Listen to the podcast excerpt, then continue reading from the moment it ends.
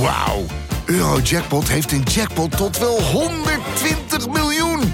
En dat is zoveel money. Daarmee kan je een weekendje weg. Met je vrienden. In space. Koop je lot in de winkel of op eurojackpot.nl. Eurojackpot. Een spel van Nederlandse Loterij. Speelbewust 18+. Plus. Mr. General Secretary, though my pronunciation may give you difficulty, the maxim is dovayai no provayai. Trust but verify. Назначение На этого... каждой встрече вы это повторяете. You repeat that at every meeting.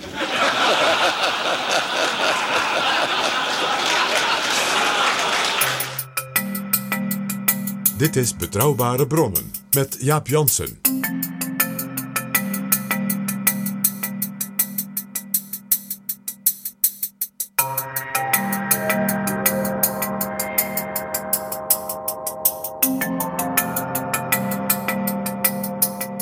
Welkom in Betrouwbare Bronnen, aflevering 93. Welkom ook PG. Dag Jaap. PG, we gaan het wederom hebben over de val van de muur.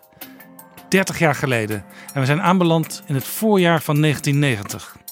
Ja, want eh, die grote omwentelingen hè, vanaf de zomer van 89 met natuurlijk als ja, historisch eh, op, zeg, op het netvlies van iedereen dat hoogtepunt van die val 9 november van de Berlijnse muur. Ja, hij viel niet letterlijk, maar de mensen mochten zomaar op en neer.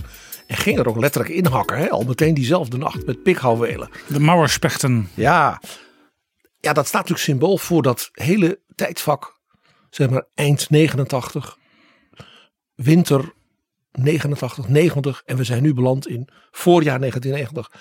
En het zal ook nu weer blijken, het ging maar door met grote revolutionaire ingrijpende veranderingen die niet alleen Europa, maar de hele wereld eh, hebben veranderd. Ja, want het was de val van de muur, de Berlijnse muur. Duitsland werd uiteindelijk één, maar je kunt ook zeggen, Europa werd één. Want de landen die gescheiden waren door het ijzeren gordijn, die kwamen ook bij elkaar. uiteindelijk. Die, die, die, die er bijna samen rondom dat idee van hoe meer we ja, met elkaar kunnen delen, hoe beter we er allemaal van worden. Ze zeggen wel eens, de liefde en kennis zijn de enige twee dingen die als je ze deelt, dat ze groter worden. En tegelijkertijd was er natuurlijk nog iets, en daar gaan we het dit keer in het bijzonder over hebben. Er was ook iets dat uit elkaar viel. En dat was natuurlijk een van de twee supermogendheden van die tijd, de Sovjet-Unie. En het voorjaar 1990 is eigenlijk het keerpunt in die fase van relatief optimisme. Onder leiding van Mikhail Gorbachev.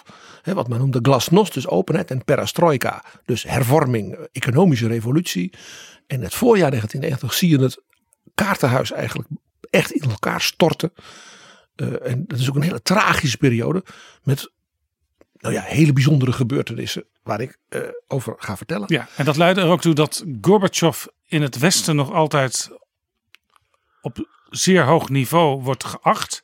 En in eigen land eigenlijk ja, een beetje uit de geschiedenisboekjes niet verwijderd is, maar wel een, een minder belangrijke plaats heeft gekregen. Nou, vooral wordt gezien als de man die het grote imperium en de trots ja, van wij hebben de Tweede Wereldoorlog gewonnen, wij zijn een supermogendheid. En dat dat allemaal verspeeld is. Dus de man ook van, die, die men dus ja, de, de veroorzaker noemt van chaos en vooral ook vernedering. Dat aspect zal ook in dit verhaal voor het eerst als ware heel voelbaar worden. Dat dat als ware in dat voorjaar 1990. Daarom dacht ik, deze aflevering, het is al de zesde van onze reeks over de val van de muur. Ga ik echt focussen op de, die, die supermogendheid. Die als ware van binnen allemaal helemaal verkruimeld. En daardoor, uh, ja eigenlijk echt, echt, daar blijft letterlijk niks van over. Jaap Jansen en Pieter Gerrit Kroeger duiken in de politieke geschiedenis.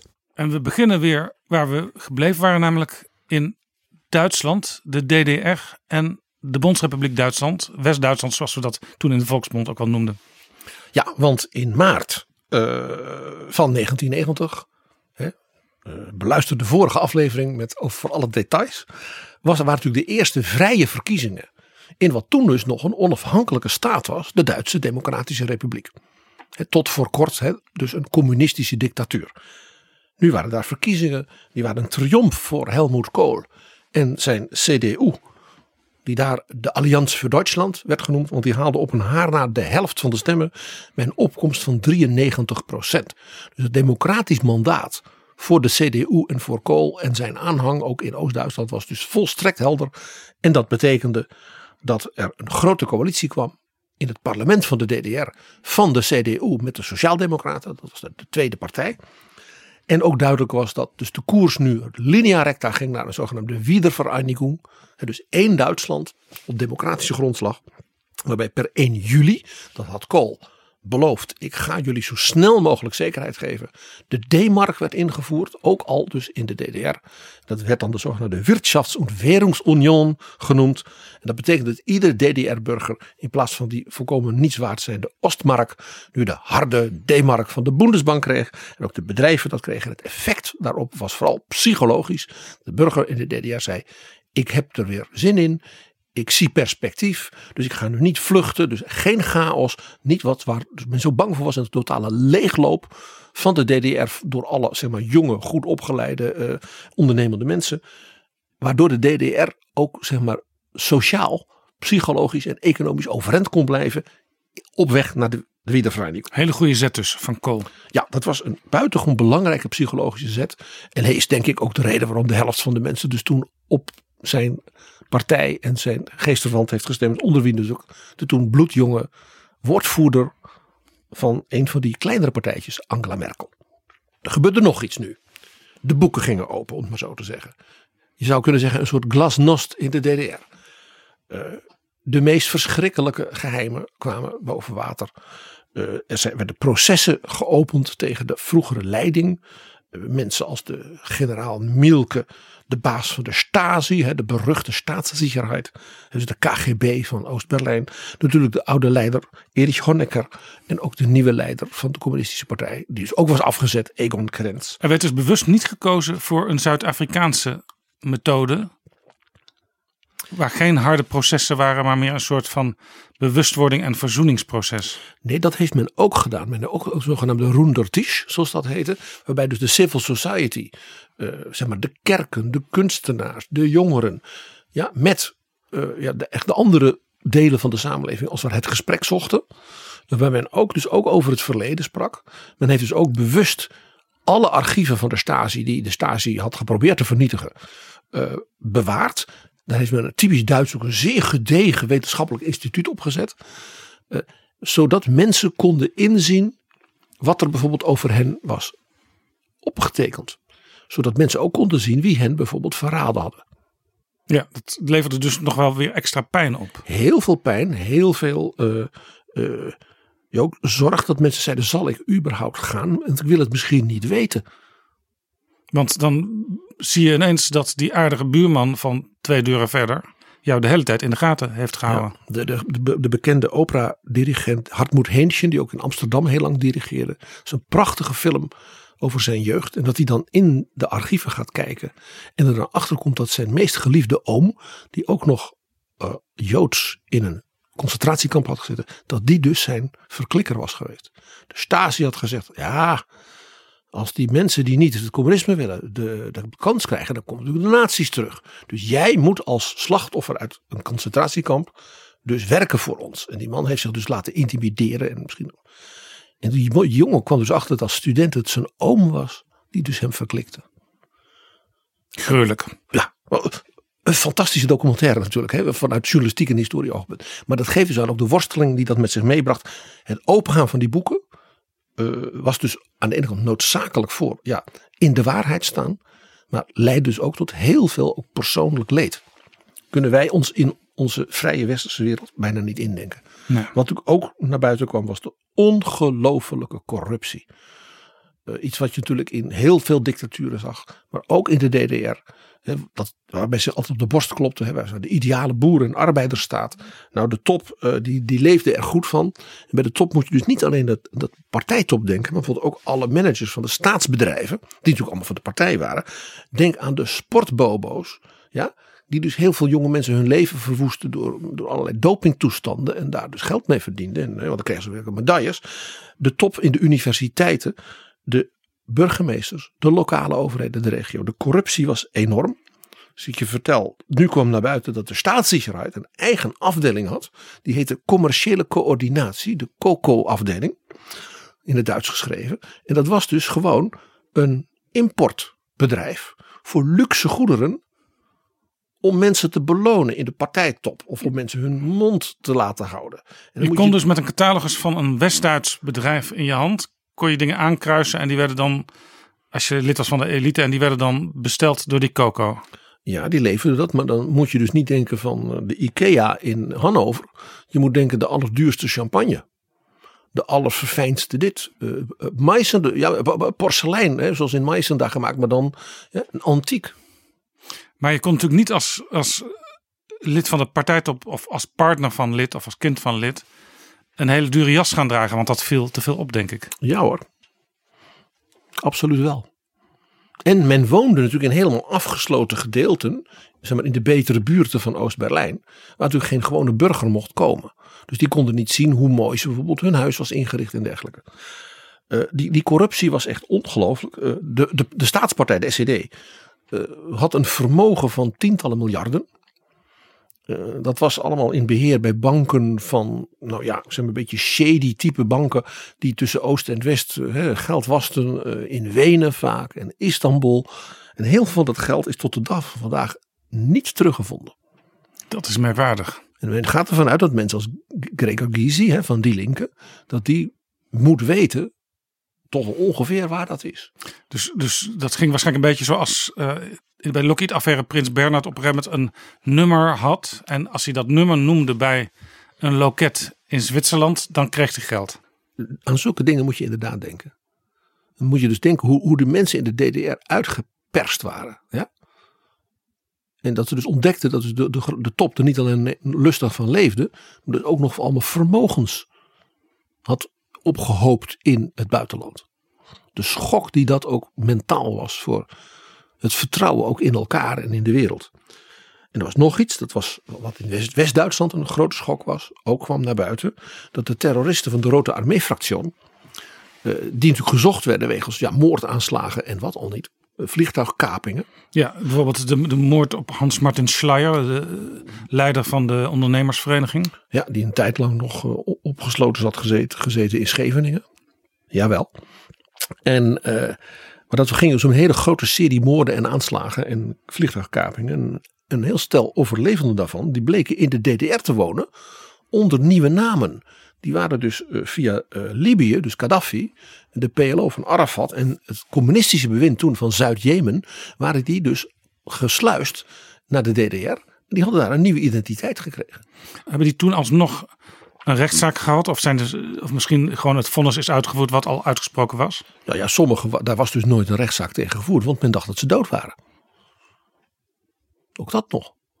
Dus men ontdekte dat er allerlei mensen ja, waar, ja, die of bij verstek veroordeeld waren, of waar nooit echt een proces tegen geweest was.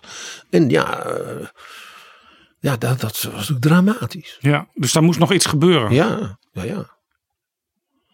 En heel veel daarvan hadden dus een, in de DDR een soort burgerlijk bestaan opgebouwd. Met een vrouw en kinderen en familie.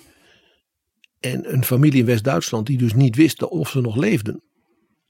Ook daar weer, nou ja, een film. Af, Ja, je schetst eigenlijk twee dingen nu. Optimisme, onder andere door het één op één overnemen van de D-mark door de Oost-Duitsers. Maar ook wel een heleboel misère, omdat het nog schriller duidelijk werd hoe rampzalig dat regime was geweest. En dat, dat opengaan van de boeken, dat in de waarheid staan. Dat dat altijd twee kanten heeft in het menselijk bestaan. Ja. Want de mens is niet alleen maar goed. En de DDR-leiders die er nog waren, van die overgangsregering, die moesten natuurlijk met de West-Duitse regering allerlei eh, zaken doen. Ja, dus, de, de- dus de, zo kwam die Wirtschafts- und Währungsunion. Die werd dus in een heel hoog tempo, zeg maar in de maand april, mei. eh, geregeld door meneer Tietmeijer. Dat was de, de directeur van de Bundesbank. Nou, Hans Stietmeijer. Ja, dan begrijp, dan begrijp je het al. En dus die heeft dat toen gedaan met een hele jonge minister van de CDU uit het oosten. Eh, en dat was, die heette Günther Krause. En dat bleek zo'n ontzettende goede onderhandelaar te zijn. Die was, eh, dat ze toen hebben gezegd, doe jij ook maar het definitieve, wat heette het staatsverdrag, het Einheitsverdrag, waarmee dus de DDR zou worden opgeheven en in feite de Bondsrepubliek ook opgeheven. En die zouden samen dan dat nieuwe Duitsland vormen. En de onderhandelaar namens West-Duitsland, die kennen wij natuurlijk allemaal, Wolfgang Schäuble. Wolfgang Schäuble, nu is hij voorzitter van de Bundestag. En hij is natuurlijk heel lang minister van Financiën geweest, onder andere in de tijd van de financiële en Europese crisis, onder andere met Griekenland. Toen uh, Jeroen Dijsselbloem, de Nederlandse minister, de Eurogroep leidde en hij heel vaak overleg had over zijn volgende stappen met Wolfgang Schäuble. Schäuble. Die spraken elkaar ongeveer elke dag. Uh, nou ja, beluister het gesprek maar dat wij met Jeroen Dijsselbloem hadden over zijn buitengewoon boeiende memoires. Ja, in Betrouwbare Bronnen aflevering 2, lang geleden alweer. Tweede aflevering was dat. Ja, toen, en toen kwam dus zeg maar, de faam van Schäuble als het ware al vol aan de orde. Dat is toch interessant. Nou, Wolfgang Schäuble was toen minister van Binnenlandse Zaken van de regering Kool in Bonn. Maar was daarvoor kansleramtminister. Dus dat was de minister onder de kanselier. Dus hij had een politieke rang, niet een ambtelijke rang. Die dus de leiding had zeg maar, van het bureau van de bondskanselier. Wat Peter Altmaier, ook een gesprekspartner van ons eh, geweest, heel lang heeft, heeft gedaan voor Angela Merkel. Ja, met Peter Altmaier hebben we gesproken in aflevering 20.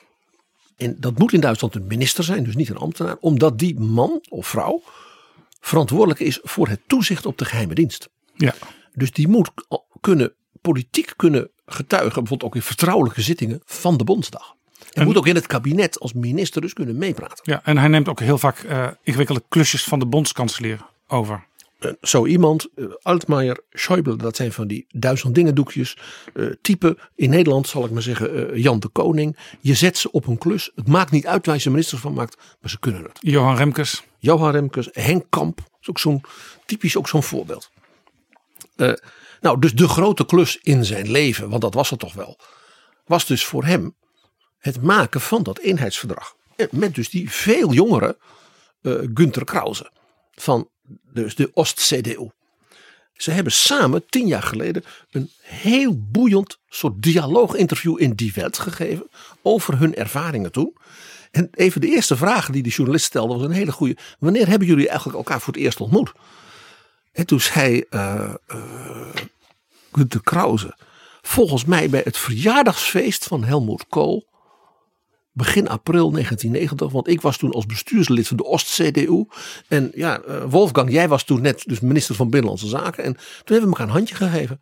Niet wetend dat wij dus heel kort daarna, hè, dus in die maanden daarna, zeg maar mei, juni tot en met zeg maar, september 1990, dat die twee dus ja, een van de meest epische historische dingen samen zouden moeten doen.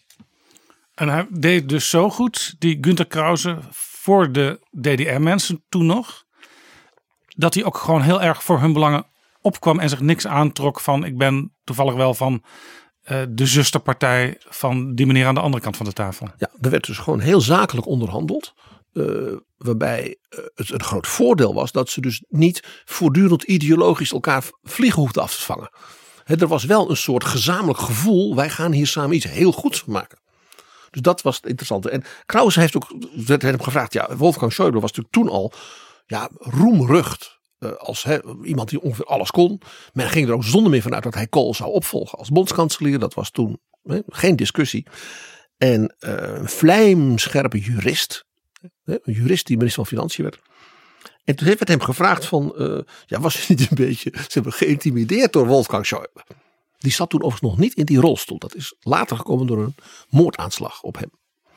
En Krause zei toen, no, eigenlijk niet. Hij zegt, ik ben een ingenieur. En ingenieurs hebben een voordeel ten opzichte van juristen. Juristen geloven namelijk dat alles 100% moet kloppen. Ingenieurs, wij weten, nooit niets functioneert 100%. En dat is echt een voordeel als je zo kunt denken. en je hoort Wolfgang Schäuble lachen, net als jij nu net deed, als je dat interview leest. En Schäuble heeft toen gezegd van, we hebben uh, ja, het was geen onderhandeling over wie betaalt voor wat. Het was dus geen financieel, materieel onderhandelen ze deden. Hij zegt, ik had tegenover mij een heel jonge man, zei hij. En hij zegt, uh, ja, ik had groot respect voor hem. Hij zegt, want ja, hoe hij dat uh, Wirtschafts- en Währungsunion met Tietmeijer had onderhandeld. Nou ja, Tietmeijer was ook een, echt een wereldberoemde centrale bankier. Die, deed dat zijn hele leven al, zal ik maar zeggen, daar in Frankfurt. Hij zei, als je met Tietmeijer dat zoiets kan doen. En je bent een jonge ingenieur uit een land waar jij nooit politiek actief mocht zijn. Hij zei, ja, petje af. Dus er was een heel grappig soort wederzijds gevoel voor de ander. Heel leuk, wij weten dus nu dat die Krause, die zei toen, als we nou een nieuw land gaan maken, hè, van die twee landen, dat wordt nu een nieuwe soeverein Duitsland, een democratie, een rechtsstaat, hè, waar wij zo naar verlangd hebben altijd in die dictatuur. Wij moeten iets laten zien aan de gewone mensen dat er ook echt iets nieuws komt. En die zei, zullen we het land een nieuwe naam geven? En Kraus heeft toen voorgesteld om het, dus de nieuwe, het nieuwe land gewoon Duitsland te noemen.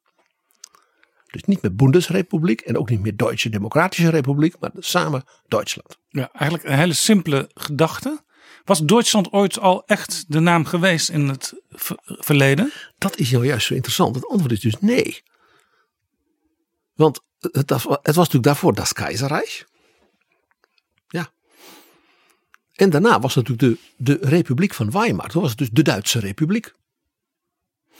Maar wat stond er bijvoorbeeld als Nederland of de Nederlanden een verdrag hadden met wat we nu kennen als Duitsland? Wat, wat stond er dan als landennaam bij? Dan stond er dus Bundesrepubliek Duitsland. Nee, maar daarvoor? Deutsches Keizerreich.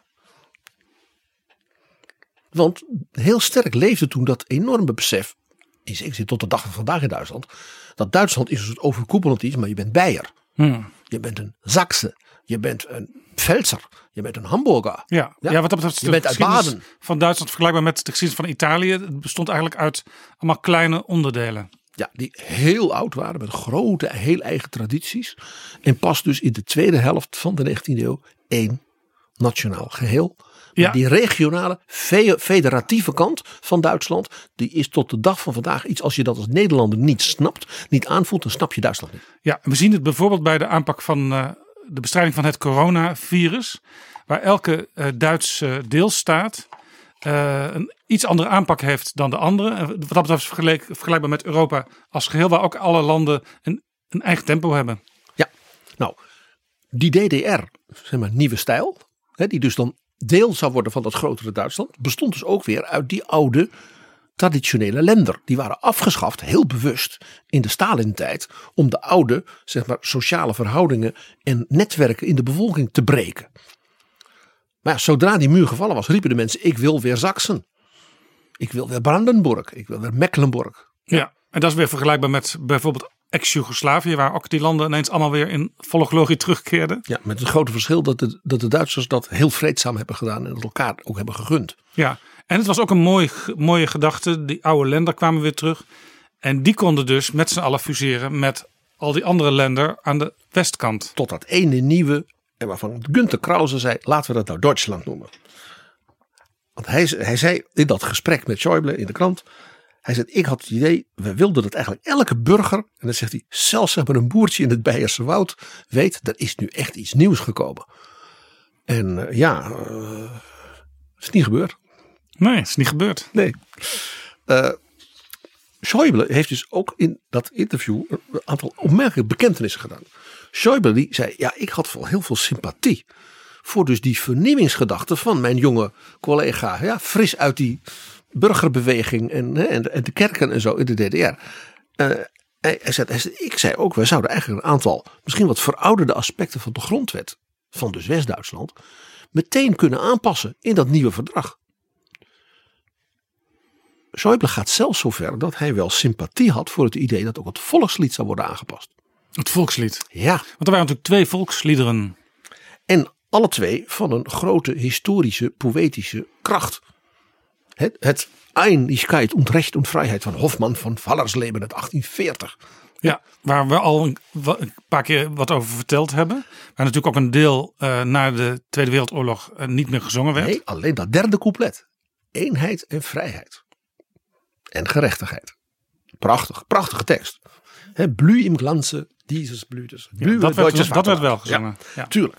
De DDR had een nog eigenlijk wel een mooier volkslied. Notabene een gedicht van de minister van Cultuur, een beroemde dichter, Johannes Becher. Ik heb daar een keer eerder over verteld. En dat gedicht, dat gedicht was dus door het regime verboden. Het is het enige land in de wereld waar de mensen verboden was het volkslied te zingen. Want dat eindigde dat gedicht met Duitsland einig Vaterland. En de DDR wou natuurlijk na een tijdje helemaal niet meer einig vaderland. Die wilde de DDR los. Als communistische, eh, exemplarische, revolutionaire republiek. Ja, was het zo dat toen de DDR net opgericht was, dat toen nog de gedachte was aan die kant, eh, heel Duitsland wordt ooit een DDR. Sterker, dat was de strategie van Jozef Stalin. Die was zelfs bereid tot vrije verkiezingen in heel Duitsland onder toezicht. Ja. En je weet, van Stalin is de beroemde uitspraak: het maakt niet uit wie er stemmen, het gaat erom wie telt. ja, en zoals Lenin zei, vertrouwen is goed, controle is beter. Zo is dat. Nou, eh, dus de DDR had een volkslied dat opriep tot nationale eenheid en mocht dus niet meer gezongen worden. En Schäuble en Krause, die hebben dus, ik zeg maar wel eens bij een glaasje wijn, een idee wat dus uit de kunstwereld kwam. Die hebben gezegd, als je nou de tekst van het volkslied van de DDR, auferstanden aus Ruinen und den Zukunft zugewandt. Dus wij kijken naar de toekomst, terwijl we, op, we herstellen ons uit die ruïnes. Prachtige tekst. Ja, klopt ook nog helemaal met de omstandigheden van dat moment. Prachtige tekst. Maar als je die op de melodie van Haydn, die dus de melodie van Duitse volkslied is. En dat is namelijk een muziekstuk, God erhalte Franz den Keizer. Ja, Einigkeit tot recht vrijheid. Maar ook Auferstanden als Ruïnen. Dus je kunt die melodie zingen op de melodie van Haydn. Dus vanuit de kunstwereld werd het volgende gesuggereerd. We nemen die prachtige tekst van Johannes Becher. Het DDR-volkslied. Dat wordt het eerste couplet van het nieuwe Duitse volkslied. Op de melodie van Haydn. En de tweede couplet is dan Einigkeit und Recht und Vrijheid. Ja, als je een radio- of televisieprogramma had, kon je het meteen eigenlijk al uit gaan voeren. Ja, de melodie kende iedereen al. En Schäuble geeft dus, gaf dus aan dat hij daar stiekem ja, wel sympathie voor die gedachte had. Zoals hij ook sympathie had voor wat ook heel omstreden bleek. Dat de hoofdstad voortaan Berlijn zou zijn. Voor de West-Duitsers dus Oost-Berlijn. Ja, Ja, niet Bonn en ook niet Frankfurt. Wat ook had gekund als de stad van 1848. Waar dus de Duitse, eerste Duitse gezamenlijke parlement. Liberaal, vrijgekozen. Als het ware toen een Duitse republiek. Ja. Of een Duits keizerrijk Ja, nou ja, oprichten. zeg maar, wij kennen natuurlijk vooral ook vanuit Nederland de recente historie van, van Duitsland. Dan zien we Berlijn ook in het Hitler-tijdperk als hoofdstad. Maar er zijn natuurlijk nog meer hoofdsteden geweest. Ook Weimar is, is hoofdstad geweest. De, de republiek is opgericht in het Nationaal Theater. In Weimar. Het theater van Goethe en Schiller. Omdat toen in de burgeroorlog in Berlijn. Met alle vechtpartijen en staatsgrepen zo erg was. Dat het parlement was gevlucht. Jawel. Nou, Du- Duitsland heeft natuurlijk. Kijk, en dan natuurlijk de deelstaten. Kijk, een stad als München is natuurlijk een wereldstad. Dat is niet een van de provincieplaatsje. Nee, dat was Bonn in zekere zin wel, een provincieplaatje. En daarom was het ook zo geschikt als tijdelijk iets. En dat gebeurde dus wel, dat, dat Berlijn de hoofdstad werd uiteindelijk. Dat is niet in dat verdrag opgenomen. Zo omstreden waren dus deze vernieuwingsgedachten van Krause en van Schäuble. Maar het zou wel een mooie geste ook naar de oostkant zijn geweest. Want die zaten immers al in de ho- Hauptstadt der DDR, de oostkant van Berlijn. Precies. En daarmee werd, was ook het idee, daarmee maak je Berlijn weer wat het moet zijn. Namelijk die we- weltoffen, grote wereldstad van een democratie die het natuurlijk ook geweest was in de tijd van Weimar. Hoe tragisch dat ook was, maar dat was wel die goldene twintiger, hè, zoals dat heet. Ja, dat we ook de wel, cultuurstad van Midden-Europa. Precies, dus Berlijn als het ware weer zijn ziel teruggeven. Nou, dat is dus niet in dat verdrag opgenomen. En toen is er wel gezegd, de beslissing van de hoofdstad van die nieuwe republiek moet je ook niet in een verdrag doen. Dat moet het parlement doen. Toen is er dus een debat geweest, een zeer emotioneel debat. Waarbij dus de West-Duitse meerderheid ja, verscheurd was. Een groot deel van nee, Bonn heeft zich bewezen. Bonn staat voor democratie. Vele CDU'ers zeiden Bonn staat voor Adenauer. En toen heeft dus Wolfgang Schäuble het woord gevraagd. Toen was hij al wel in een rolstoel. Toen was hij dus heel zwaar getroffen geweest. En die heeft toen gezegd, ik ben een West-Duitser. Ik kom uit Baden. Ik kom, hè, de wijngaarden langs de Rijn. En ik stem voor Berlijn. En die toespraak van Schäuble heeft toen de wending betekend in dat debat. En toen is een vrij groot deel van de CDU omgegaan. Die eigenlijk dus als eerbetoon aan Adenauer, wat begrijpelijk is, zeiden wij blijven aan de Rijn, dat is toch de, de, de Duitse rivier. En zeiden Ja. ze nee, we gaan naar de Spree. Toch. Heel bijzonder. Heel bijzonder. Nou, dat geeft dus aan dat Schäuble, die, wel, die wilde dus allerlei vernieuwingen. En die zei, de weerstand hiertegen, tegen dit soort ideeën. Hij zei, dat zag je dus bij het gedoe over, over de, op de Hauptstadtdebatten, zoals hij het noemt. Die weerstand was zo sterk dat we wel hullische problemen bekomen hadden. Dus hij, hij beschouwt dat allemaal nog een beetje als een soort klein nederlaagje. Hij had best een aantal nieuwe dingen willen doen met Günter Krause samen. Maar hij was waarschijnlijk ook nog zelf in zijn opkomende statuur. zat hij nog net iets te laag om dingen echt door te kunnen zetten. Nou ja, hij moest voor twee derde instemming in de Bundesraad, de Eerste Kamer, zorgen. Want alleen zo kon je dus die grondwet met dat verdrag nieuw doen. En hij moest dus de steun hebben van de SPD en van de liberale FDP. En de SPD werd toen geleid door Oscar Lafontaine. En dat interview, ik ga dat maar nu niet voorlezen wat ik hier voor me heb liggen. Maar wat hij daar over Oscar Lafontaine zegt. Hoe die dus probeerde alles te frustreren. En dat een groot deel van de SPD hem daar lang in volgde, maar toen eigenlijk rebelleren ging. Hoe kwam dat? Want Oscar Lafontaine, eh, die, is nog steeds, die speelt nog steeds een rol in de Duitse politiek. Waarom poogde hij dit proces te frustreren? Oscar Lafontaine wilde niet de Wiedervereinigung zeg maar, op, op de voorwaarden van Helmut Kohl. Die zat op de lijn, je moet eigenlijk die twee staten zelfstandig houden. Ze dan samen neutraal maken uit de NATO wellicht en zo. En dan een soort neutraal socialistisch Duitsland. Daaruit valt ook een beetje te verklaren, denk ik, dat Lafontaine, die toen van de SPD was, dus zeg maar de grote Partij van de Arbeidachtige partij, dat hij later overgestapt is naar eh, die linker, zeg maar de SP-achtige eh, Partij van Duitsland. Die, hij heeft uiteindelijk gebroken met zijn eigen partij, waar hij dus de lijsttrekker en partijvoorzitter van is geweest. Probeer eens in te denken dat Wouter Bos besluit om te zeggen: ik eh, ga weg uit de PvdA en eh, ik eh, word communist. Ja? Aan zoiets Ja, moet je denken. dat geeft ook aan hoe dramatisch dus die Duitse politiek in deze jaren is geweest. En hoe weinig in Nederland daar belangstelling voor is. Tot mijn verbazing en verdriet. Heel leuk. En dan ronden we het stukje over Duitsland maar even af.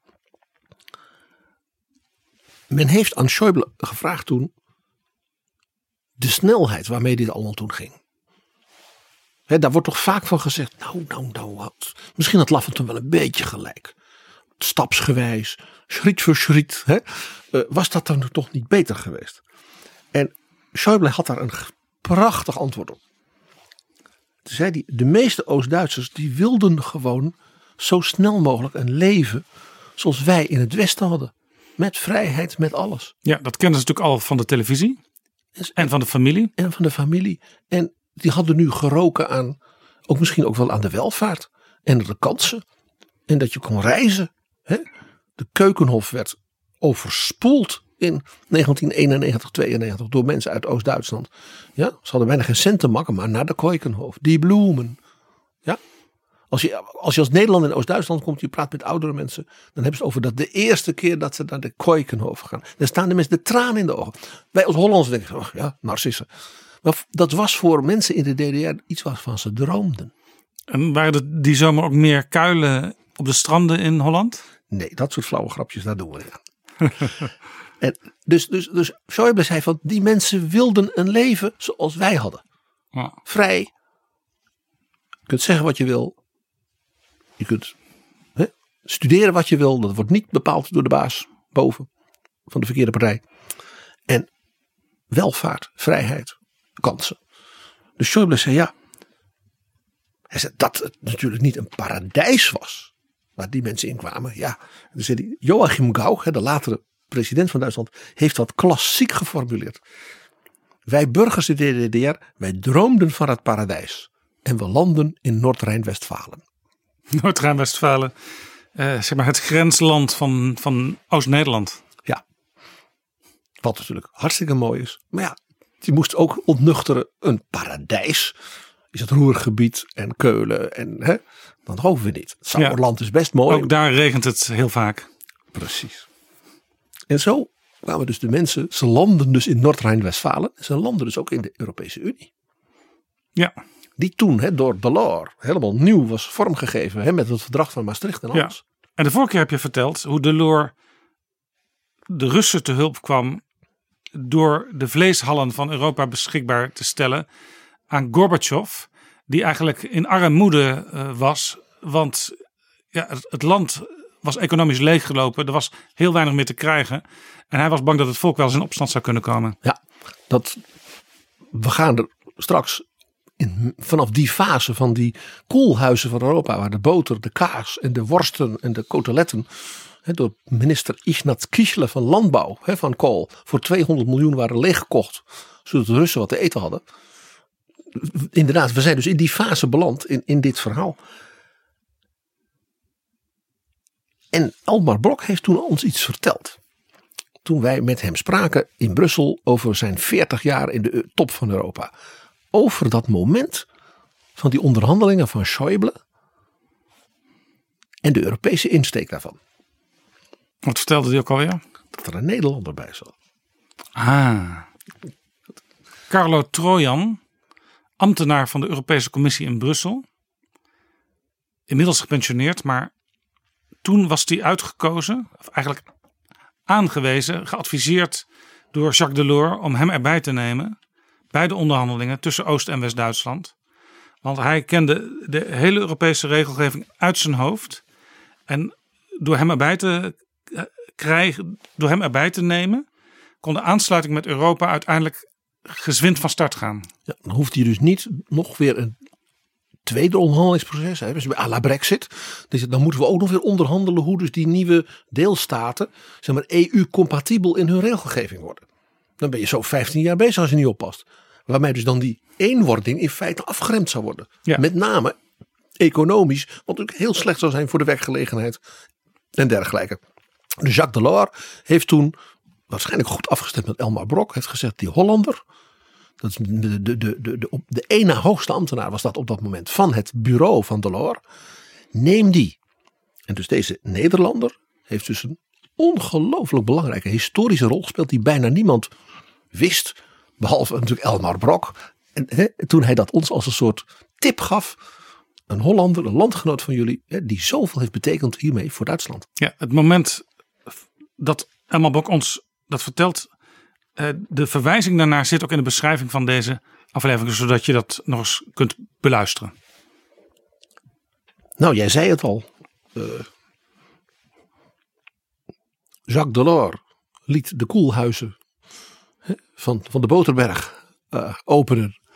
En dat werd financieel afgedicht door eh, de landbouwbegroting van, van Helmut Kool. Want ja, Duitsland was natuurlijk een rijk land en had voor het redden van natuurlijk die wiedervereniging en het overeind houden van Gorbachev natuurlijk best wel wat over. Ja, Want eh, de fase waar we nu in terecht gekomen zijn, zeg maar het eind van de winter 1990, voorjaar 1990, was dus duidelijk dat de druk op Mikhail Gorbachev, de leider hè, van de communistische partij en daarmee de baas van de Sovjet-Unie, steeds groter werd. En vooral intern.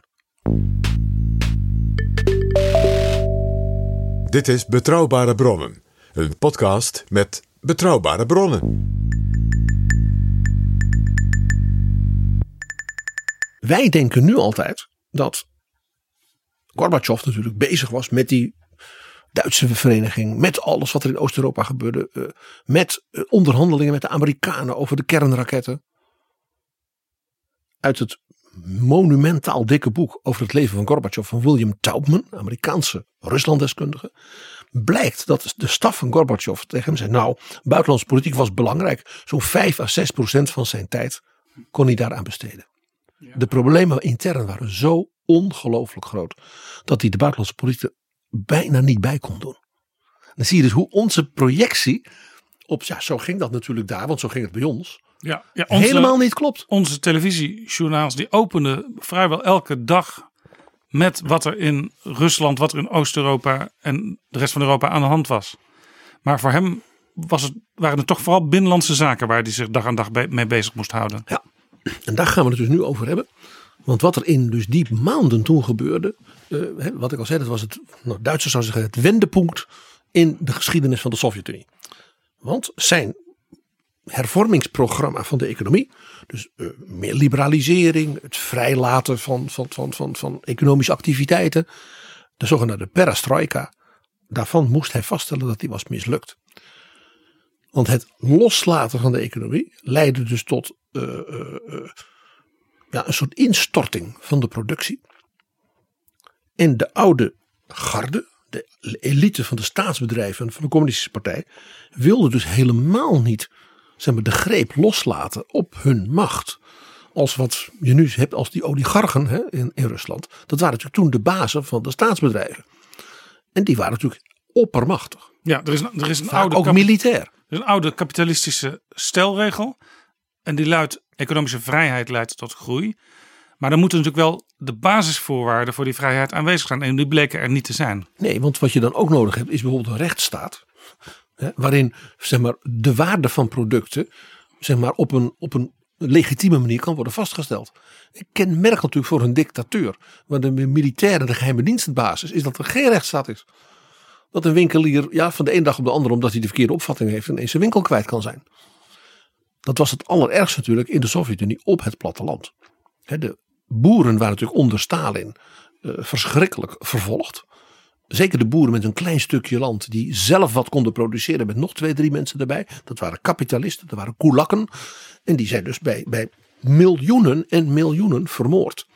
Dan wel alles afgepakt en dan naar strafkampen gestuurd. Dus dat platteland van de Sovjet-Unie, dat was een rampenplan. Ja.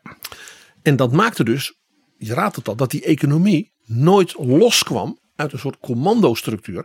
Die natuurlijk Rusland even had gehad. Dat was dus niet alleen maar Stalin. Het was geen onderbreking geweest, dat communisme. Maar in feite eh, leefde het communisme voort op het feodale systeem wat er daarvoor was. Een soort, soort on steroids, industrieel, in geïndustrialiseerde versie daarvan. Wij kunnen ons dat bijna niet indenken. Maar het is tsaar Alexander II geweest. Die in 1862 de slavernij in Rusland ophief. En dan moet je bedenken dat dus 80 tot 90 procent van de bevolking een lijfeigene was op het platteland van de adel.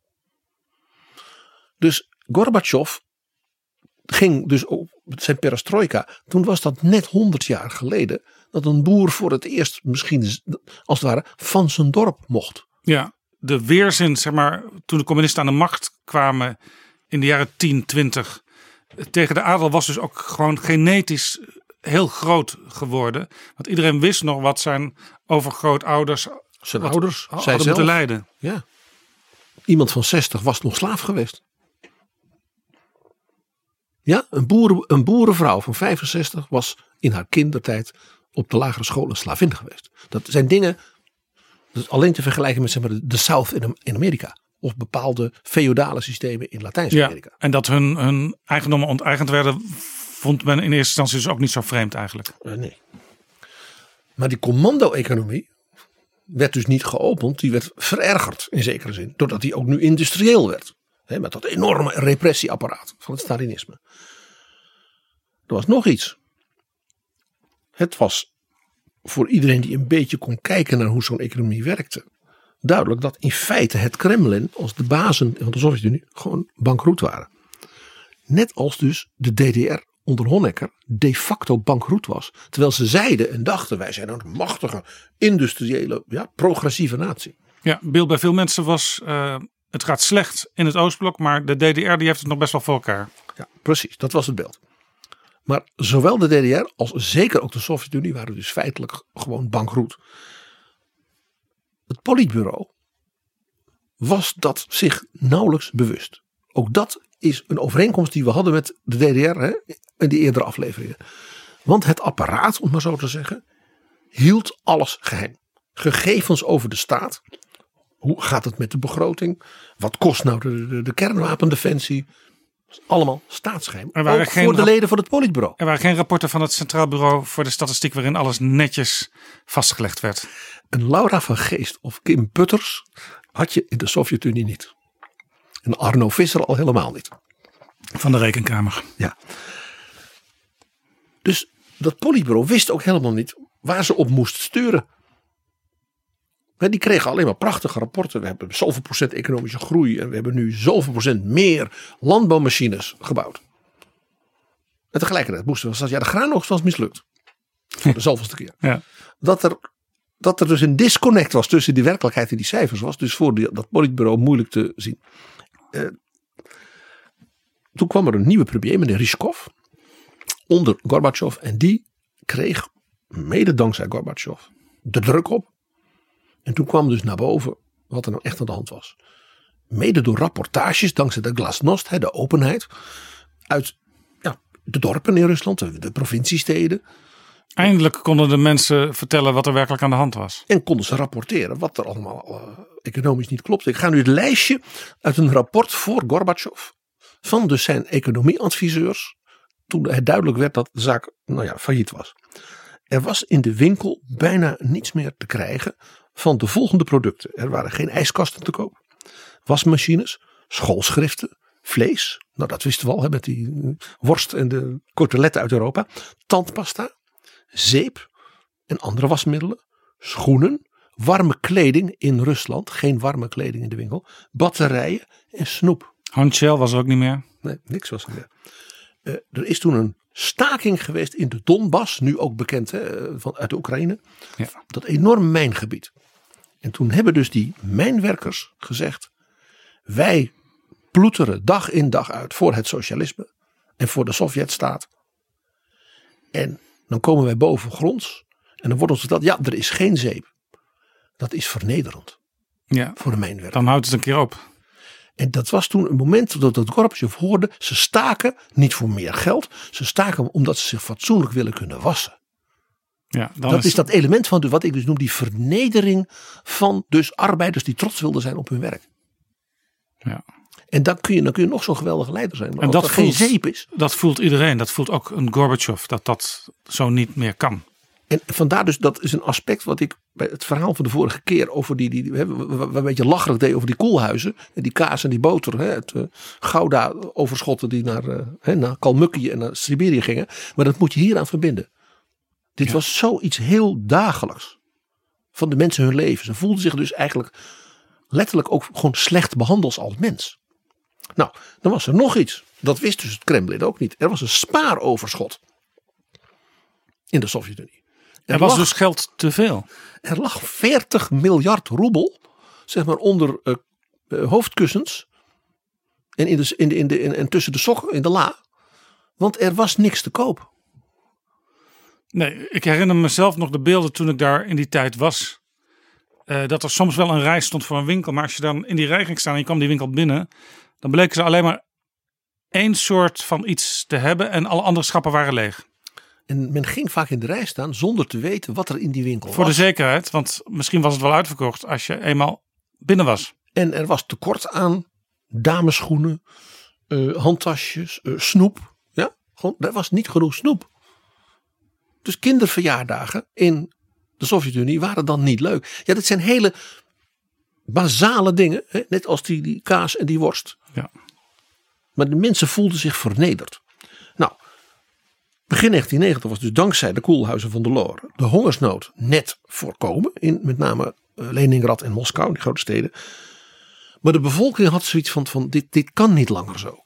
En dat betekent dat er in ongenade gevallen Boris Yeltsin ineens weer naar boven kwam. En die werd ook gekozen toen voor de, door de stad Moskou als lid van het nieuwe parlement dat Gorbachev als democratisering had bedacht. En dat was als het het begin van de herreizenis van de dus echt, ook door zijn drankprobleem, in ongenade gevallen Boris Yeltsin. Alles spatte dus ook open, want die glasnost, die openheid, die werkte wel. De perestroika niet, maar de glasnost dus des te meer. Dat de mensen zeiden, ik wil het nu kunnen zeggen. Ja. Ik, wil, eh, ik wil gewoon me fatsoenlijk kunnen wassen als mijnwerker. En Dat Boris durfden mensen ook te zeggen. Boris Yeltsin kwam dus uit, want iedereen kwam uit die communistische partij. Zeker. Alleen zijn carrière was gestokt, maar nu kon hij gebruik maken van de vrijheid. En als een populist kijken of hij mensen achter zich kon krijgen op weg naar de macht. En op weg naar dus een grotere, opener, democratischer mu- maatschappelijk debat. Dat moet je Boris Yeltsin altijd nageven. Bij alle kritiek erop en mogelijk is. Ik heb altijd een beetje een zwak voor Boris Yeltsin gehad. Dat zal de komende aflevering nog wel. Ook op natuurlijk een buitengewoon kleurrijke Rus is. Laat ik het dan zo zeggen. Zeker. Een operafiguur zou ik bijna zeggen. Er was natuurlijk iets tweede bij, dus die glasnost. Kwam natuurlijk dat waar we het eerder al hadden gemerkt. Dat dus die nationaliteiten, hè, die door Stalin allemaal zo waren verdrukt. Dat dat gevoel weer boven kwam. Ik wil mijn eigen taal, mijn eigen muziek, mijn eigen Allah kunnen aanbidden. Of in, als Estland, ja, wil ik mijn Lutherse kerk. Eh, dat kwam omhoog en dat heeft eh Gorbachev eh, helemaal ja, verkeerd gezien. Ik zal straks uitleggen hoe het kwam dat Gorbachev dat niet zag. Voorbeelden van in de periode waar we het nu over hebben. In de stad Sumgait in de Caucasus was er een pogrom van de Azeri tegen de Armeniërs. En dat had alles weer te maken met de strijd om dat berggebied Nagorno-Karabakh. Dat was dus niet meer te houden. Dus ook het Sovjetleger en de KGB, de geheime dienst, waren niet meer in staat om die bevolkingsgroepen zo ronder te houden. En dat leidde dus dus tot, tot, tot volkerenmoord, waarbij Ja. honderden mensen op straat Het van doodsloegen. volksnationalisme stak de kop op. Ja, ook in de Baltische staten. Eh, ja, daar bleef dat gevoel doorzetten. Het beroemde de- op die dag dat ze herdachten dat ze werden ja, overgeleverd hè, door Hitler aan Stalin. Hè, dat ze toen die keten van 600 kilometer lang hè, door al die Baltische landen hadden. Dat gevoel dat ging door. Dus in Estland besloot het parlement, en dat was dus een communistisch parlement, hè, alleen maar communisten, communisten, besloten dat het Russisch werd geschrapt als de taal van Estland en het Est. Dat was natuurlijk een symbool met de kracht van een atoombom. De communistische partij van Estland is dat wij kiezen voor het Est. Oeh. Nou, eh Gorbachev gaat dan in conclaaf met de communistische partijleiding van Estland, Letland, Litouwen. In de hoop ze ja, tot reden te brengen. Ja, want hij kon laten zien, ik ben toch een redelijk man. Laten we gewoon samenwerken. Laten we samenwerken. En tegelijkertijd, ik ben de secretaris-generaal van de Communistische Partij van de Sovjet-Unie, dus van alles. Dus ik ga niet pikken dat er allemaal rare eh, nationale bewegingen komen. Wij zijn een internationalistische, idealistische eh, beweging als communisten. En toen heeft hij dus tegen de Litouwse Communistische Partij gezegd van... ja, jullie willen van alles, maar je kan niet alles krijgen. Toen zei hij, als het, als het moet, kan ik hout hakken en Spaanders laten vliegen. In 1941, hè, dus toen eh, Hitler Rusland binnenviel... zei hij, in, in die hongerwinter van 41 heb ik een kwart van de bomen van, de, van mijn vader in zijn tuin omgehakt... zodat we, iets, dat we nog hout hadden. Maar ik wil niet dat ik de bijl zal moeten hanteren. Maar als het moet, dan kan ik het. Ja, ja. Dus dat was dreigende taal. En zoals zei van, hij had dus geen oog voor dat nationale gevoel van die onderdrukte volkeren. Hoe Nee. kwam dat? Hij zei, het socialisme als ideaal, dat wil ieder volk. Dus ze zullen ons nooit als Sovjet-Unie als het ware in de steek laten. En dat kwam, hij was een echte overtuigde Leninist. Hij zag zichzelf als een hervormer, ja, een revolutionair, zoals Lenin en de perestroika.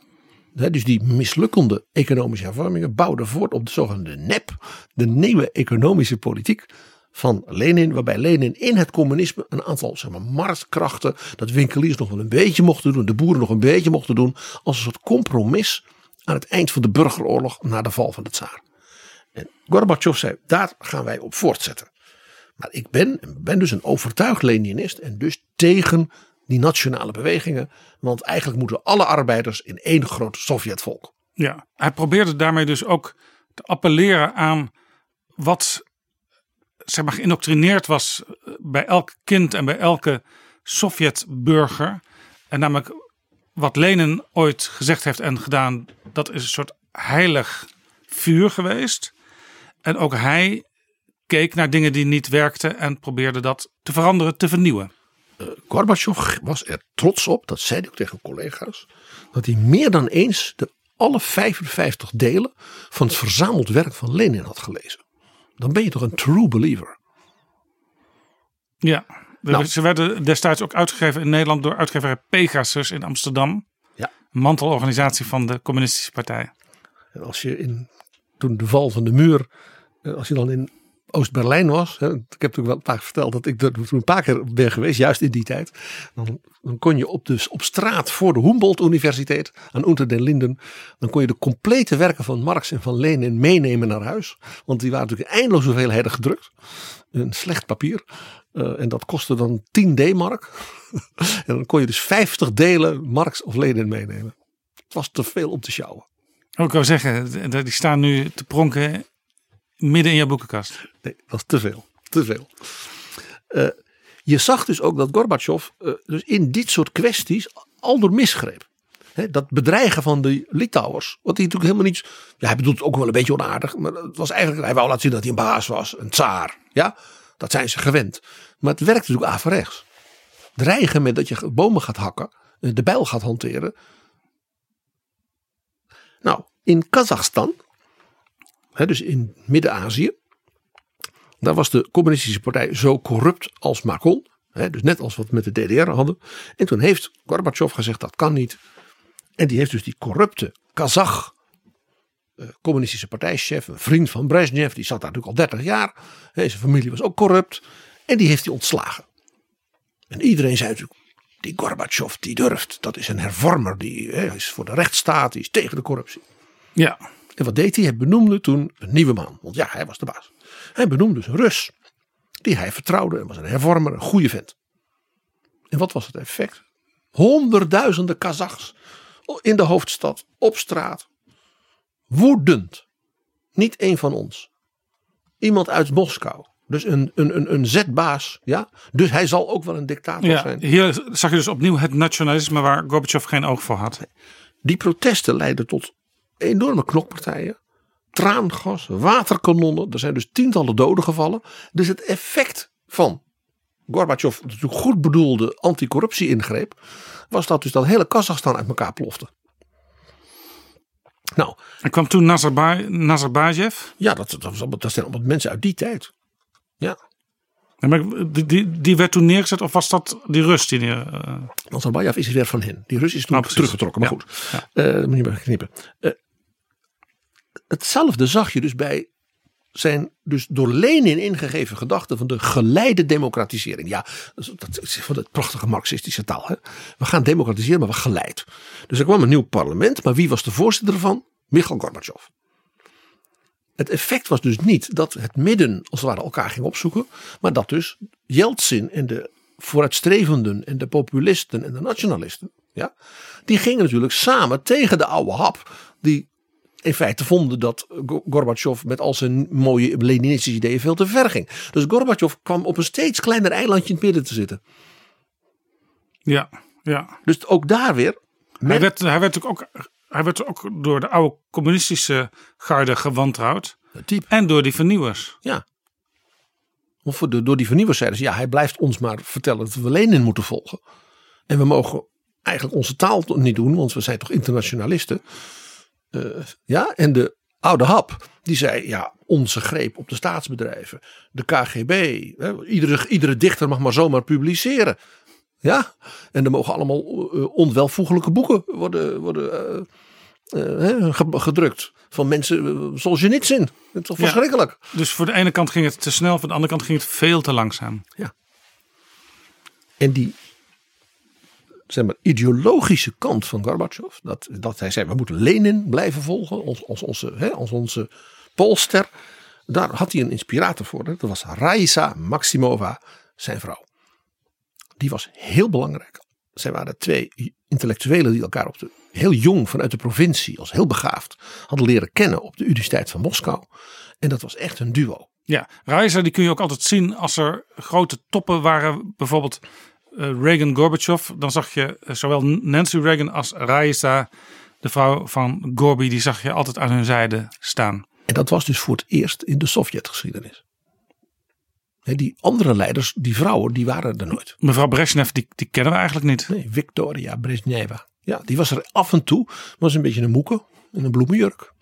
En Raisa Maximova, zoals ze werd genoemd. Was natuurlijk een lange, mooie vrouw. Beetje chique vrouw. Ja, ze, ze, ze, wil, ze, was, ze hield van mooie kleding die ze zelf maakte. Want dat was er allemaal natuurlijk niet. Eh, en was een, een in- intellectueel. Zij was docent Marxistische filosofie. Dus dat was een, ook een true believer. Ja, zeer nuttig eh, in de Sovjet-Unie. Ja, en, maar ook dus iemand die haar man als het ware op het goede pad van Lenin hield. En het was iemand met een wat, ja, het was dus een docent aan de universiteit. En tussen haar en de Hollywood-actrice Nancy Reagan eh, werd het dus nooit wat. Laat ik het maar voorzichtig zeggen. Want eh, dan, als ze dan op bezoek waren, eh, bijvoorbeeld in, in Genève, bij die top. En daarna dus bij die, al die toppen in Washington en daarna in Moskou. Hè, dat Ronnie, Ronnie en Misha, dat was dat, hè, vrienden waren dat. Maar Nancy en Raisa, nee. Want Raisa placht dan Nancy te vertellen hoe superieur het communistische systeem was, ook vanuit de theorie. Eh, en dat de kunsten daardoor in Rusland en de Sovjet-Unie op een veel hoger niveau stonden dan dat platte eh, gedoe in Amerika. Dat zeg je dan tegen een Hollywood-actrice. Ja, zoals je nu wel eens hoort. Eh, niet verstandig. Zoals je nu wel eens iemand hoort roepen. Mijn tweet klopt, zei Reisa toen. Mijn theorie klopt. Ja, en ook, zij zei dus ook tegen mevrouw Reagan dat het, het feit dat er in Moskou geen daklozen waren, in Amerika overal daklozen, dat toonde aan dat ook hun systeem economisch superieur was. Dit waren geen dingen waar je Nancy Reagan nou uh, zeg maar mee voor je won. En wij weten dat, van, dat Helmut Kohl, toen Reagan wegging en George Bush kwam, tegen uh, Gorbachev heeft gezegd: Nou, een aantal dingen zullen wat lastiger gaan. Want Bush is natuurlijk geen man als Reagan. Uh, een, een, bijna een soort zonnige visionair. Bush is meer een, ja, is een, man van de CIA, dat is een diplomaat. Dus je, zult met hem. Maar uh, de vrouw van Bush. Dat is een, een hele hartelijke en slimme vrouw die mensen bij elkaar brengt. De sfeer zal, zal wel wat anders worden. wat plussen en minnen. Uh, hebben, we, hebben we misschien een klein geluidsfragmentje van Nancy Reagan. die vertelt over haar zeg maar, relatie met Reisa Maximova? Dat hebben we. Op 9 december 1987 waren de Gorbachevs op bezoek in het Witte Huis.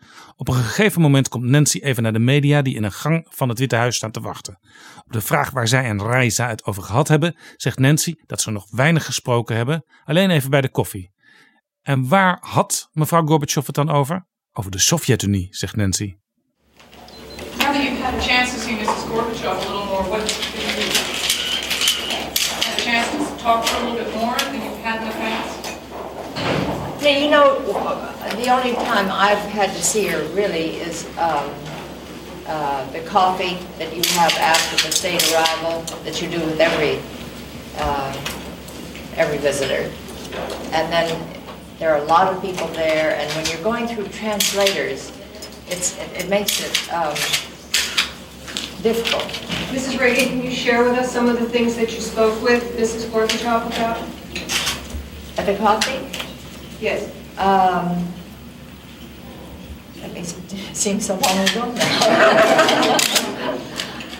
uh, we talked about, uh, she was talking about the uh, Soviet Union. Um, and, uh, Did she ask You you mean any the questions about America? no. Even later leidt Nancy Reagan Reisa Gorbachev rond door het Witte Huis. Die is allemaal gefilmd door de cameraman van het Witte Huis. De link naar dat filmpje is te vinden in de beschrijving van deze aflevering. Reisa zegt: Helaas heb ik geen tijd om me echt te verdiepen in de geschiedenis van de VS.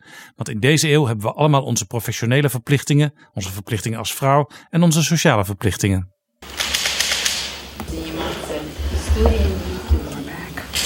Regrettably, however, I don't have time to specially study the history of the United States. And regrettably, You know that uh, in our century, in our age, we all of us have to work Есть у нас профессиональные обязанности, and we have professional duties, есть семейные we have обязанности, our family duties, есть общественная as деятельность. well as uh, social duties. Het ging dus niet goed. Voorjaar 1990, die opening van zaken. Over hoe zit het nou echt met de economie. Leveren dus rapportages op hè, van als het ware hè, de eerste Arno Vissers en Laura van Geest van het Kremlin. En ik geef je een paar eh, eh, cijfers die de premier toen aan Gorbachev en het politbureau moest melden. En hij noemde zelf dat zijn rapportage een apocalyps was. Nou, als de premier dat zegt over zijn eigen cijfers, dan kun je je wel voorstellen. Het begrotingstekort was 133 miljard roebel.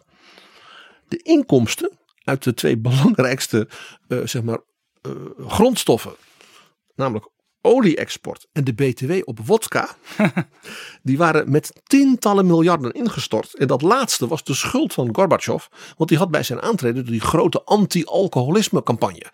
De Russen moesten hard werken en minder drinken. En dat kon Boris Yeltsin niet compenseren. Nee, Boris Yeltsin in zijn eentje niet. Nee. Eh, en Gorbachev was ook heel matig eh, daarin. En de Graisa Maximova natuurlijk helemaal. Dat is een beetje strenge dame. Ja, ik zie ze eerder thee drinken Ja. samen. Ja, precies. En eh, dus ja, dat werd ontmoedigd. Maar ja, het systeem was daar zo dat de afzet van wodka een soort btw-inkomsten extra was. Om als het ware uit de markt, weet je wel, dat overschot aan geld binnen te halen. Te gebruiken om eh, kernraketten te bouwen.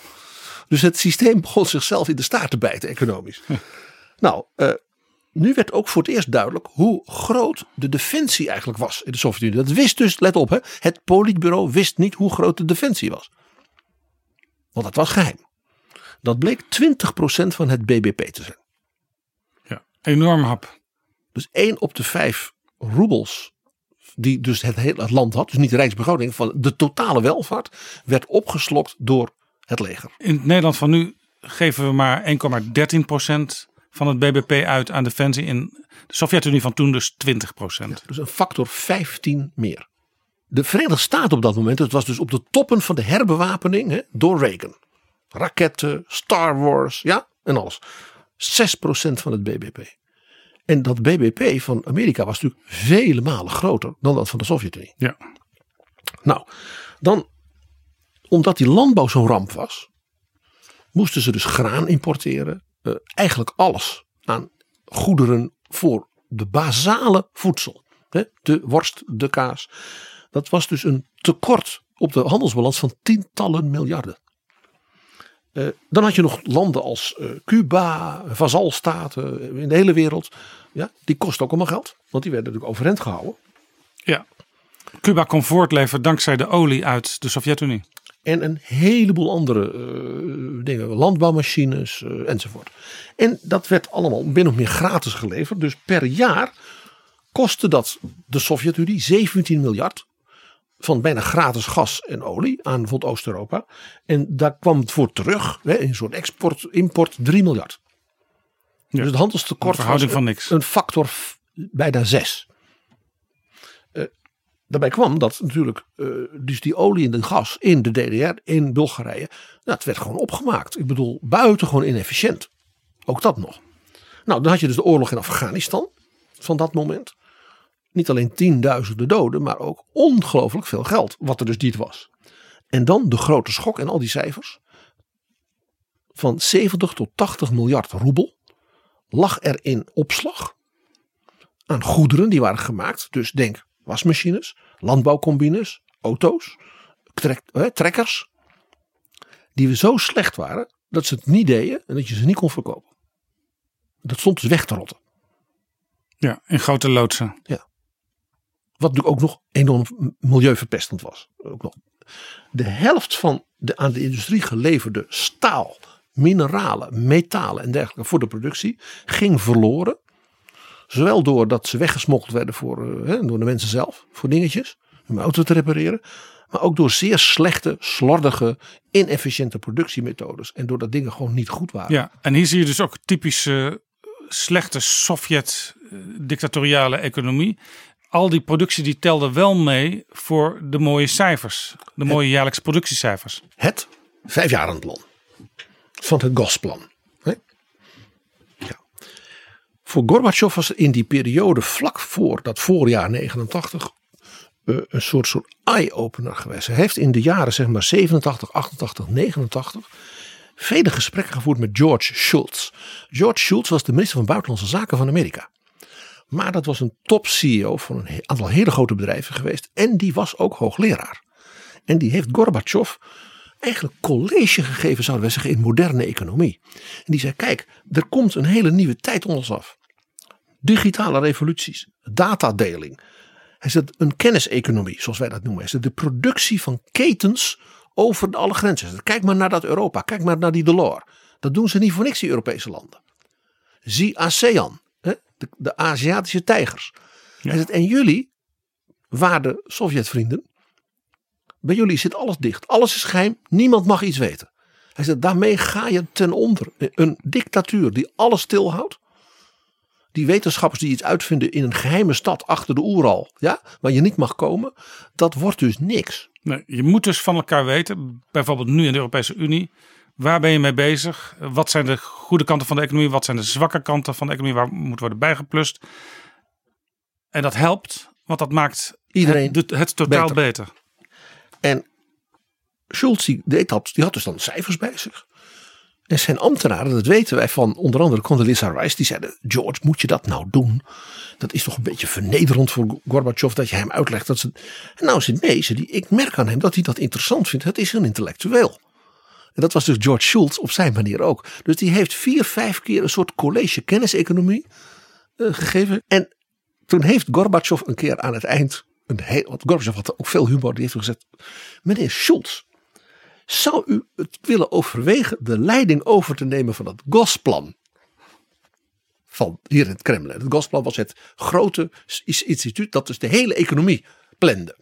Hij zegt, want u heeft eigenlijk veel helderder visie op de economie en nieuwe ideeën dan iedereen die daar werkt. Ja. Een soort huwelijk tussen Lenin en Uncle Sam. Ja, dus de minister van Reagan, ja, voor buitenlandse zaken, had dus een scherpere blik op de toekomst van de economie en ook van de Sovjet-Unie dan de hele, alle staf van het Kremlin.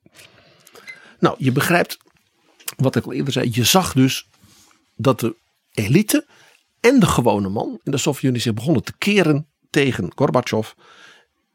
Want ja, het einde van de Koude Oorlog, dat was natuurlijk mooi. en dat er misschien nu de weer coteletten van Delors waren, was ook mooi. Maar men voelde zich ten diepste vernederd. Want dat grote imperium, dat toch maar die Hitler had verslagen. En dat toch in de wereld he, gevreesd was. Dat was misschien wel, waar vadertje Stalin was misschien wel een beetje een, een tiran. Maar ze waren wel bang voor hem. En nu?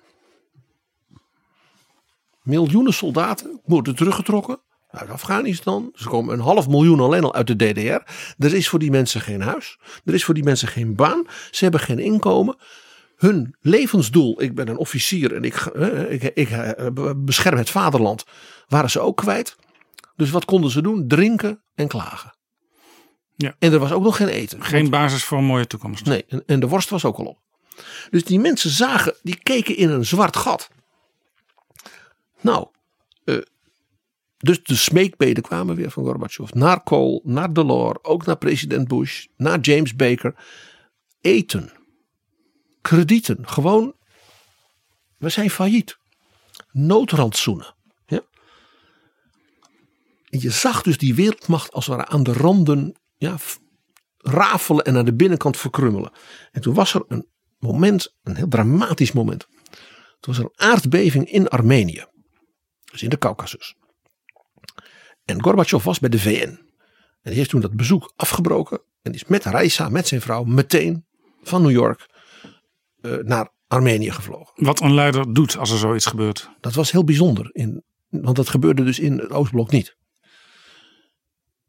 En ze kwamen daar en hebben dus tussen de puinhopen, en dat is een geweldig verhaal uit het boek van Taubman, dat er een klein jongetje loopt dan tussen die ruïnes en die trekt aan allemaal stenen, want die denkt dat zijn moeder daar ligt. En Ja. Gorbachev en Raisa die hebben dat kind dus in hun armen genomen en ja, die hebben gehuild. Ja, daar zijn beelden van. Ja. En dat jongen, en dan zeggen ze, wat kunnen we voor je doen? En weet je wat dat jongetje zei? Nagorno-Karabakh is van ons. En toen begonnen al die mensen tussen die puinhopen te roepen, Nagorno-Karabakh is van ons. En toen hebben ze dus Gorbachev uitgescholden voor het feit dat hij dus de Armeense nationale eer niet wilde redden. En toen, toen hij dus terugging vandaar naar Moskou, waren hij en Raisa eh, ontredderd. Want die merkten dus, wij zijn zelfs de meest ja, leidende mensen waar wij voor opkomen in de Sovjet-Unie, die zijn we eigenlijk kwijt. Niet lang daarna, dat was in, ook in dat voorjaar, precies nu 30 jaar geleden, had hij dus een bezoek aan Litouwen, hè, nou, waar hij had gedreigd met eh, het hakken van bomen. Ja. Ook om daar met de arbeiders te praten en ze te overtuigen, kom nou eh, bij ons. Blijf bij ons, we gaan er samen wat van maken in de geest van Lenin. Ja. Ja, dat, was, dat, dat geloofde hij echt. Maar hij werd niet bepaald met gejuich ontvangen. Eh, nee, Eh, hij kreeg scheldkanonades. Ze hebben hem uitgejoeld. Wat natuurlijk, probeer je in te denken. De televisie van Moskou die dat natuurlijk opnam. Het bezoek van de grote leider. Probeer je in te denken. Stalin was uitgejoeld in de Oekraïne. Waar allerlei reden voor was. Of dat Brezhnev was uitgejoeld. Dat kan niet. Ja. En die arbeiders die begonnen dus. Ja, glasnost, openheid. Die zeiden, we hebben niet te eten. Nou ja, we hebben wat te eten, maar dat hebben we te danken aan de Europeanen. Op, op die kaas, op die worst, staat dat stempel van de EU.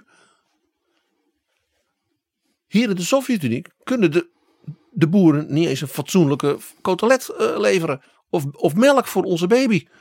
En die gingen dus tekeer tegen Gorbachev. En die zeiden van hebben we daarvoor al die jaren ja, moeten schoften. En ik weet nog hoe mijn opa is afgevoerd ja, onder Stalin. En hij is nooit meer levend teruggekomen. Toen kwam dus alles kwam. En toen is Gorbachev, toen is er iets bij hem geknapt. Toen is hij gaan schelden op die mensen. Jullie zijn ondankbare honden. En Ja, hij verliest zijn decorum. hij, hij, hij he lost it. Hij merkte dus in Armenië bij die, nou ja, die, die, die wanhopige mensen. En nu bij de, de in feite trotse arbeiders. Ja, in Litouwen die hun mond open durfden te doen. Je zou zeggen het ideaal van elke socialist en Leninist. Dat hij het volstrekt niet meer in de hand had. En hij wist niet meer wat te doen. Heel mooi, Lenin, wat te doen. Zijn beroemde essay. Prachtig, ja. Eigenlijk kun je dus zeggen, waarbij dus dit, dat gebeuren in Armenië en Litouwen, hè, toevallig ook alle twee aan die grenzen, hè, wat ik noem die rafelranden van dat imperium, dat je dus kon zien dat wat Lenin was gelukt, namelijk koers bijstellen in die burgeroorlog. Ik moet de boeren ietsje meer ruimte geven. Ik moet ook ondernemers, winkeliers. Want anders gaan we zogenaamd wel richting het communisme, maar de zaak gaat helemaal kapot. En het is natuurlijk pas Stalin geweest na 1928 met die, die grote elektrificatie, zoals het heet, industrialisatiecampagnes. We gaan dus het verdubbelen van de productie in vijf jaar, de vijfjarenplannen, gecombineerd dus met die enorme repressie. Als dat die, als dat die sprong toen heeft gemaakt, waardoor de Sovjet-Unie dus die wereldmacht werd. Het interessante is, Gorbachev wilde Lenin zijn, maar het lukte hem niet. Of misschien niet meer. En het hele, hij had voor één wereldleider, Europese leider, een enorm intellectueel respect. En dat was iemand die het wel gelukt was. Oh, François Mitterrand. François Mitterrand. Want daarin herkende hij dus ook een socialist, een linkse leider. Ook ja, grote persoonlijkheid. Hè. Niet, een, niet een tiran, maar wel een, een chef. Hè. Dat zeker. Die dus ook had bijgesteld. Toen hij merkte, dit gaat niet goed. Want die begon ook te regeren in een coalitieregering met communisten. Met nationalisaties van ongeveer alles. En na één à twee jaar eh, kwamen ze van die schreden terug. Ja, en toen benoemde hij minister van Sociale Zaken en Financiën tegelijk. Die de zaak moest herzien. Zeg maar de Lenin van Frankrijk. En dat was Jacques Delors. De latere voorzitter van de Europese Commissie. Ja, die heeft toen de Franse economie gered. En dus heel interessant dat, dat Gorbachev dat dus niet meer voor elkaar kreeg. En dat kwam omdat hij Lenin wilde volgen. Hij zat dus vast in dat communistische denkstraming. En hij ging dus praten met François Mitterrand. Hij wilde daar de les van Hij heeft heel veel, leren. met, heel, heel veel met Mitterrand gepraat. En de, hij heeft ook, daar deed hij heel gedetailleerd verslag, ook aan zijn staf. En hij had heel snel door dat Mitterrand, toen hij hem dus leerde kennen, zeg maar in 85, eh, dat Mitterrand dus eh, heel erg ziek was. Terwijl niemand dat wist. Maar hij zei, ik merk aan alles, hij na een uur praten, eh, dan heeft hij wat moeite om nog woorden, dan is hij zo moe. Ja, want, want Mitterrand had een lijfarts, die bracht ook jaarlijks rapport uit. Maar die rapporten die klopten eigenlijk niet, bleek later. Eh, nee, daar klopt helemaal niks van. En Gorbachev merkte dat. Gorbachev wist misschien ook via de geheime diensten wel het een en ander. Zou kunnen, zou kunnen. Maar die zei dus, ik hoop dat hij goed blijft. Want ik heb hem nodig, ik heb zijn adviezen nodig. Een tweede punt, hij had natuurlijk, zeggen wij als makkelijk als West-Europeaan. Hij had natuurlijk de telefoon moeten pakken. En Deng Xiaoping moeten bellen. Een communistische leider die wel erin slaagde een ongelooflijk hervormingssysteem. Wat welvaart bracht, juist ook op het platteland. Ja, ja, want daar hebben we het al een aantal keer over gehad. Eh, wat Deng Xiaoping deed. Dat was in feite de voorbode van het China zoals we dat nu kennen. Hij is de maker van het moderne China. Maar ja, de Russen, de Sovjet-Russen, keken neer op China. Op Mao. Op Ja. Deng. En nu is het andersom. Nu kijken de Chinezen neer op de Sovjet-Unie, zeker nu. En zeggen ze, die glasnost, die had nooit moeten plaatsvinden. En de perestroika had op een heel andere manier moeten plaatsvinden. Ze hadden de perestroika moeten doen zoals wij met de oude Deng. En de glasnost hadden ze achterwege moeten laten. Gorbachev heeft precies de verkeerde dingen gedaan. Dat is de analyse van de Ja. Chinezen. Ja, nog steeds. En dat die glasnost wel lukte, daarvan zeggen wij natuurlijk als Westerlingen. Wat prachtig, de Russen werden vrij. Hè, ze mochten de gedichten lezen die ze wilden. Ze mochten geloven wat ze wilden. Wat prachtig. Maar de oude elites, de partij, zag alles instorten. Het KGB, het leger. En ja, het is dus niet zo gek dat een vroegere medewerker van de KGB de voorbije twintig jaar dus alles teruggeschroefd heeft. Juist op dat glasnostpunt. Vladimir Poetin. En waarom? Omdat die hervormingen mislukten. Ja, want de Sovjet-Unie werd Rusland, althans de resten. Hè, en, dat is een commando-economie gebleven, nu met oligarchen. En Poetin zal denken, neem ik aan, ik pas de gedachtenwereld van Lenin beter toe dan wat Gorbachev ermee deed. En ja, wij weten dat Poetin natuurlijk nog een ander rolmodel heeft. Hè? Tsaar Nicolaas I. Die op zijn werkkamer hangt. Ja. Groot schilderij. Eén schilderij van één heerser uit de hele geschiedenis van Rusland. Een geschiedenis rijk aan grote persoonlijkheden. Maar er hangt er maar één. We hebben het daarover gehad in twee afleveringen van Betrouwbare Bron. In 19 met Anne Applebaum, Poetin en de destabilisering van het Westen. En in aflevering 21 praat jij uitgebreid over Tsar Nicolaas I als rolmodel voor Vladimir Poetin. En zijn bijzondere band met Nederland. En tsaar Nicolaas was dus, een, wij zouden zeggen, een reactionaire tsaar. Die zei dat Westen, ja, dat liberale Westen met al die nieuwe ideeën, dat moeten wij buiten de deur houden. En die zei, wij moeten niet die chaos hebben. We moeten niet die openheid hebben. We moeten ons imperium overeind houden. Hè, dat we hebben veroverd op Napoleon. En op, op, op, op, op, de, op de Turken hè, in de Caucasus. En wij moeten ons natuurlijk nooit laten vernederen. Het is of je Poetin hoort. En dat is dus een reactie op zeg maar de mislukking uiteindelijk toch van Mikhail Gorbachev in het voorjaar van 1990.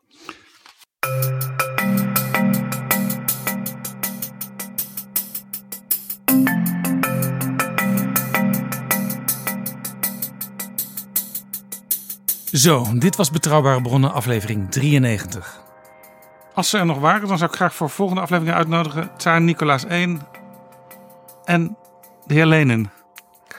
Ja, dat begrijp ik. Maar als ik het zou mogen bepalen, ik zou heel graag de grootmoeder van Nicolaas I, Catharina de Grote. Wat een boeiende vrouw.